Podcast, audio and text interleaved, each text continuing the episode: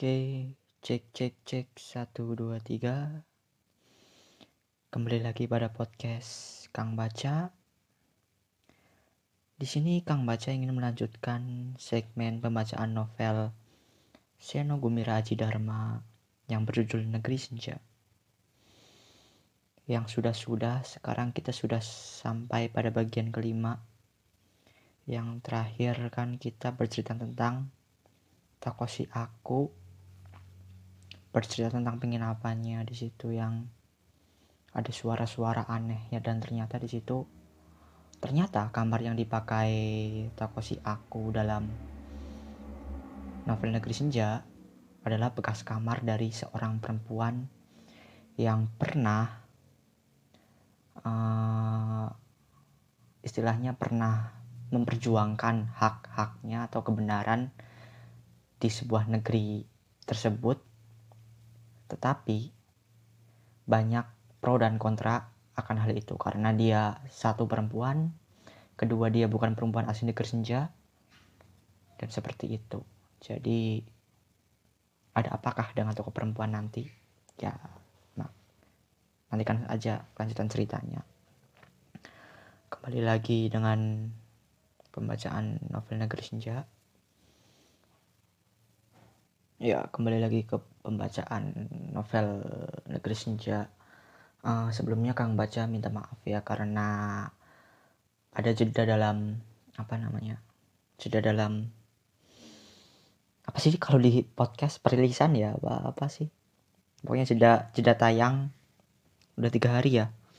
Ya Kang baca mohon maaf karena nggak mau sok sibuk apa gimana ya. Ya karena mungkin salah satunya emang sok sibuk sih ya. Oke. Sebelum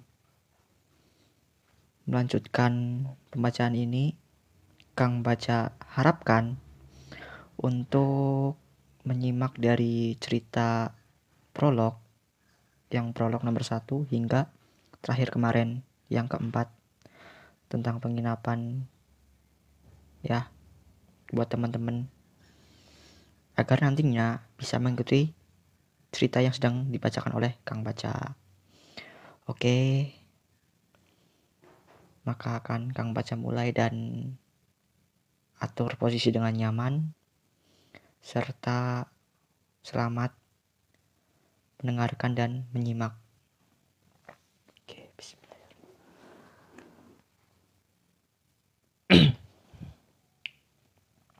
Halaman 34 rumah bordil di pasang padang pasir. Dari sebuah sudut jalan, kulihat rumah-rumah yang seluruh jendelanya dibuka. Daun pintu jendela-jendela itu semuanya menghadap ke arah matahari. Jadi daun-daun jendela itu semuanya membiasakan cahaya kemas-emasan. Sementara langit jingga dan jalanan itu sendiri berwarna ungu muda. Matahari di negeri senja memang tidak pernah meneruskan perjalanannya, namun tetap memberikan berbagai macam nuansa. Matahari itu sendiri bila ku perhatikan tidaklah diam sepenuhnya.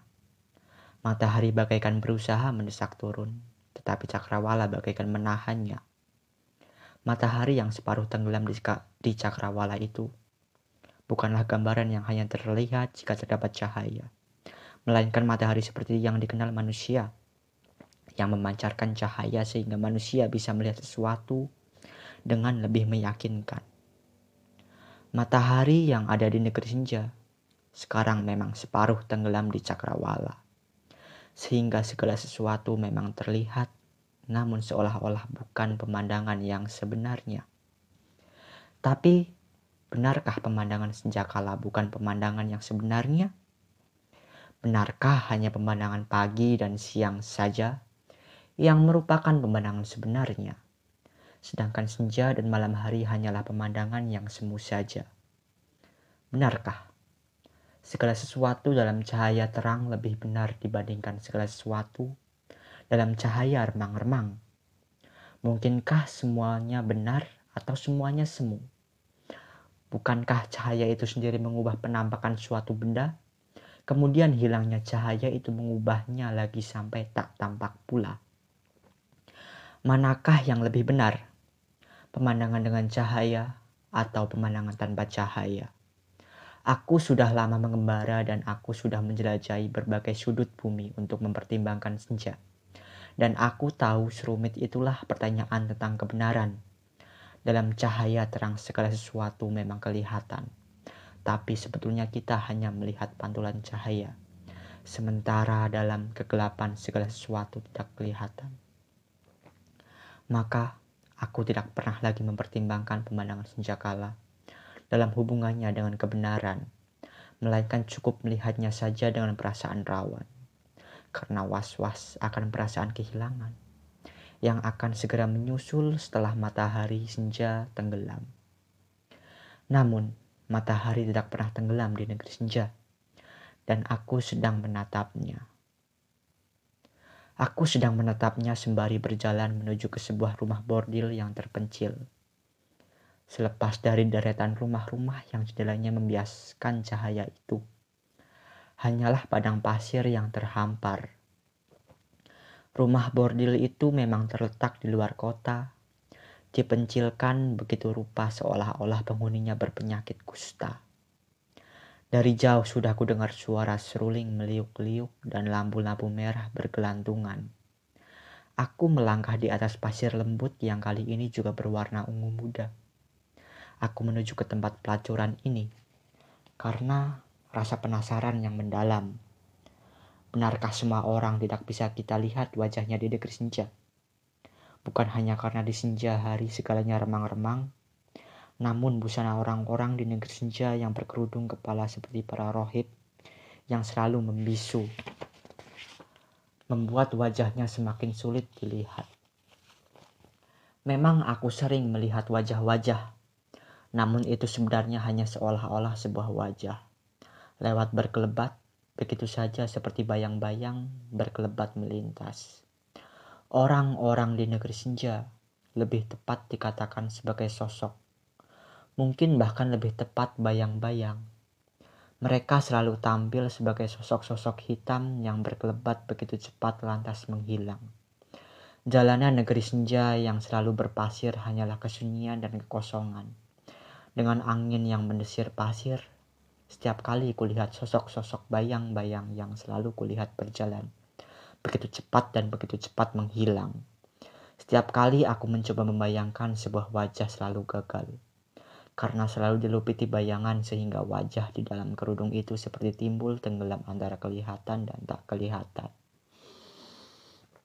Jadi aku berjalan menuju ke rumah bordil untuk mengenal sebuah wajah. Karena selama berada di negeri senja, aku tidak seperti merasa tinggal di sebuah negeri manusia. Tidakkah para penghuni rumah bordil itu akan memberikan segala-galanya? Kecuali cinta. Dan tentu saja akan terlihat wajahnya Aku berjalan dengan sebuah ingatan tentang hari pertamaku di negeri ini. Bukankah ini bukan negeri yang mati? Memang tidak bisa dikatakan negeri ini kosong. Kadang-kadang kulihat pasar di bagian utara kota juga penuh dengan manusia. Tapi segera kurasakan begitu banyak orang bukan hanya pendiam, melainkan takut berbicara. Sehingga begitu banyak orang di jalanan suatu ketika tetapi tidak ada yang berbicara. Kalau aku mencoba menatap wajah mereka yang selalu samar-samar itu, mereka cepat-cepat menunduk, menundukkan kepala. Mereka pun tentu ingin menegaskan siapakah diriku yang pada hari-hari pertama masih mengenakan busana yang berbeda dari mereka. Tetapi setiap kali aku mencoba menatapnya kembali, segera saja mereka menoleh ke arah lain atau lagi-lagi menundukkan kepala. Kalau aku masih tetap mencoba memperhatikannya, mereka menetap langsung ke mataku dengan tangan meraba pinggang di balik jubah. Seperti siap melemparkan pisau belatinya. Dalam keremangan hanya kulihat sepasang mata menyala seperti mata harimau di tengah kegelapan rimba. Kemudian aku berbusana seperti orang-orang di negeri senja. Dengan kerudung menutup kepala. Semenjak itu memang tiada lagi pasir di rambutku dan barangkali wajahku pun tak kelihatan pula dan aku pun lantas merasa tak seorang pun menganggap aku sedang mengawasinya. Keadaan ini membuat aku semakin was-was. Tidakkah aku ternyata diawasi juga? Aku berjalan di padang pasir pada senja hari yang membuat langit merah membara. Kukira aku betul-betul sendiri kali ini. Tiada lorong-lorong berkelok atau tirai di balik jendela dengan mata yang mengawasi di sebaliknya. Tentunya aku betul-betul sendiri, karena sejauh mata memandang hanya pasir. Jauh di selatan kulihat bayangan hitam tembok perbentengan dari masa lalu. Sedangkan di utara terlihat rumah bordil yang memanggil-manggil. Kulihat lampu-lampu merahnya dan berpikir, apakah mereka harus memasang lampu merah hanya karena berada di daerah lampu merah? Sebuah rumah bordil di tempat terpencil seperti ini. Apalagi yang masih harus memberi tanda berbeda Para penghuninya bagaikan dianggap spesies yang berbeda, bergelimang penyakit maupun noda. Sepanjang sejarah kehidupan manusia selalu ditempatkan terpisah dari anggota masyarakat. Tapi mengapa mereka bisa ada kalau bukan karena ada yang membutuhkannya?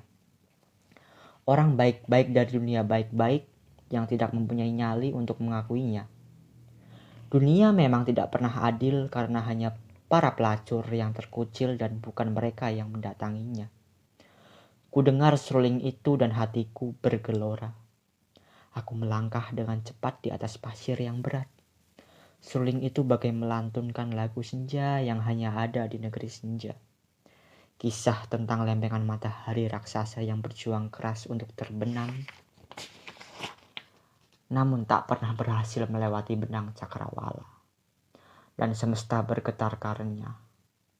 Lagu selur lagu seruling itu seperti bisa berkisah tentang kesunyian para petarung yang sudah berabad-abad mengadu tenaga tanpa kesudahan dalam kebisuan semesta. Aku melangkah dan teringat Alina.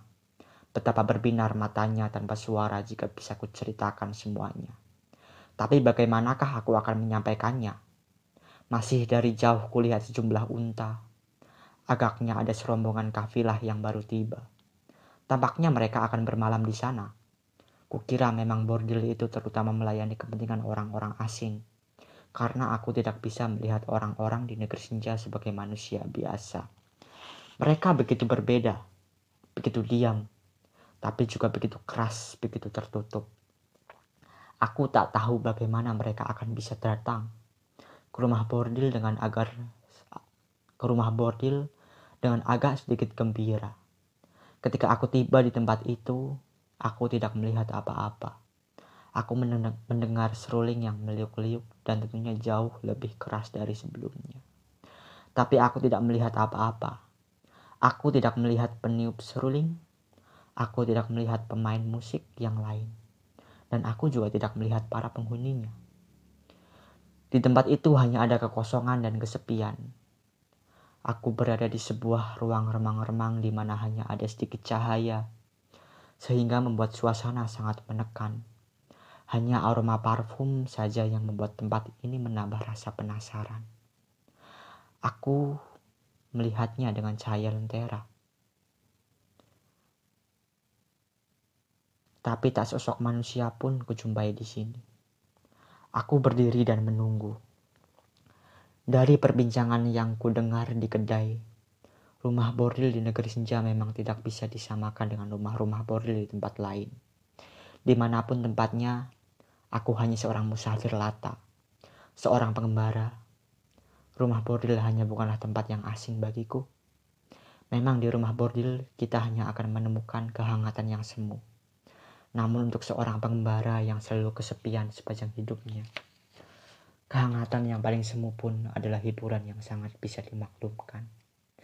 Selama di negeri senja, aku menemui orang-orang yang jangankan membuka hatinya untuk persahabatan. Sedangkan wajahnya pun aku tidak pernah bisa memandang dengan tegas. Ini membuat aku selalu merasa gagal untuk mengenal seseorang. Sampai aku mendengar cerita tentang rumah bordil itu. Sebelumnya aku kira memang tak ada rumah bordil di negeri senja karena memang tidak pernah ku dengar seorang pun membicarakannya. Seruling itu memberi perasaan pilu.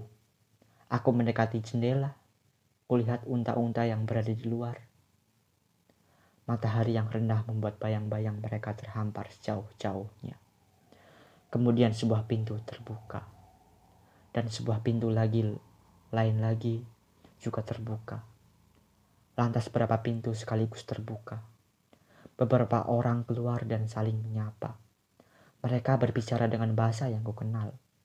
Mereka bukan orang negeri senja, tapi mereka juga mengenakan busana yang melindungi tubuh dari debu dan pasir. Dari pembicaraan mereka, ku ketahui mereka masih menanti sejumlah orang yang berada di dalam kamar. Mereka duduk bergerombol dan minum arak yang tersedia di meja tanpa memperhatikan aku. Di jendela aku masih berpura-pura menikmati pemandangan. Betapapun senja masih merupakan hal terbaik di negeri ini. Sebentar kemudian beberapa orang lagi menyusul keluar dan semua orang lantas berdiri, langsung menuju ke unta mereka. Aku tinggal sendirian dalam kesunyian. Kamar-kamar itu kosong. Aku hanya ingin melihat sebuah wajah yang jelas. Tapi sekarang aku ragu. Apakah akan mampu hanya melihat sebuah wajah dan pergi? Aroma parfum menguasai ruang setelah pintu-pintu tadi terbuka. Dan sekarang semuanya sudah tertutup kembali.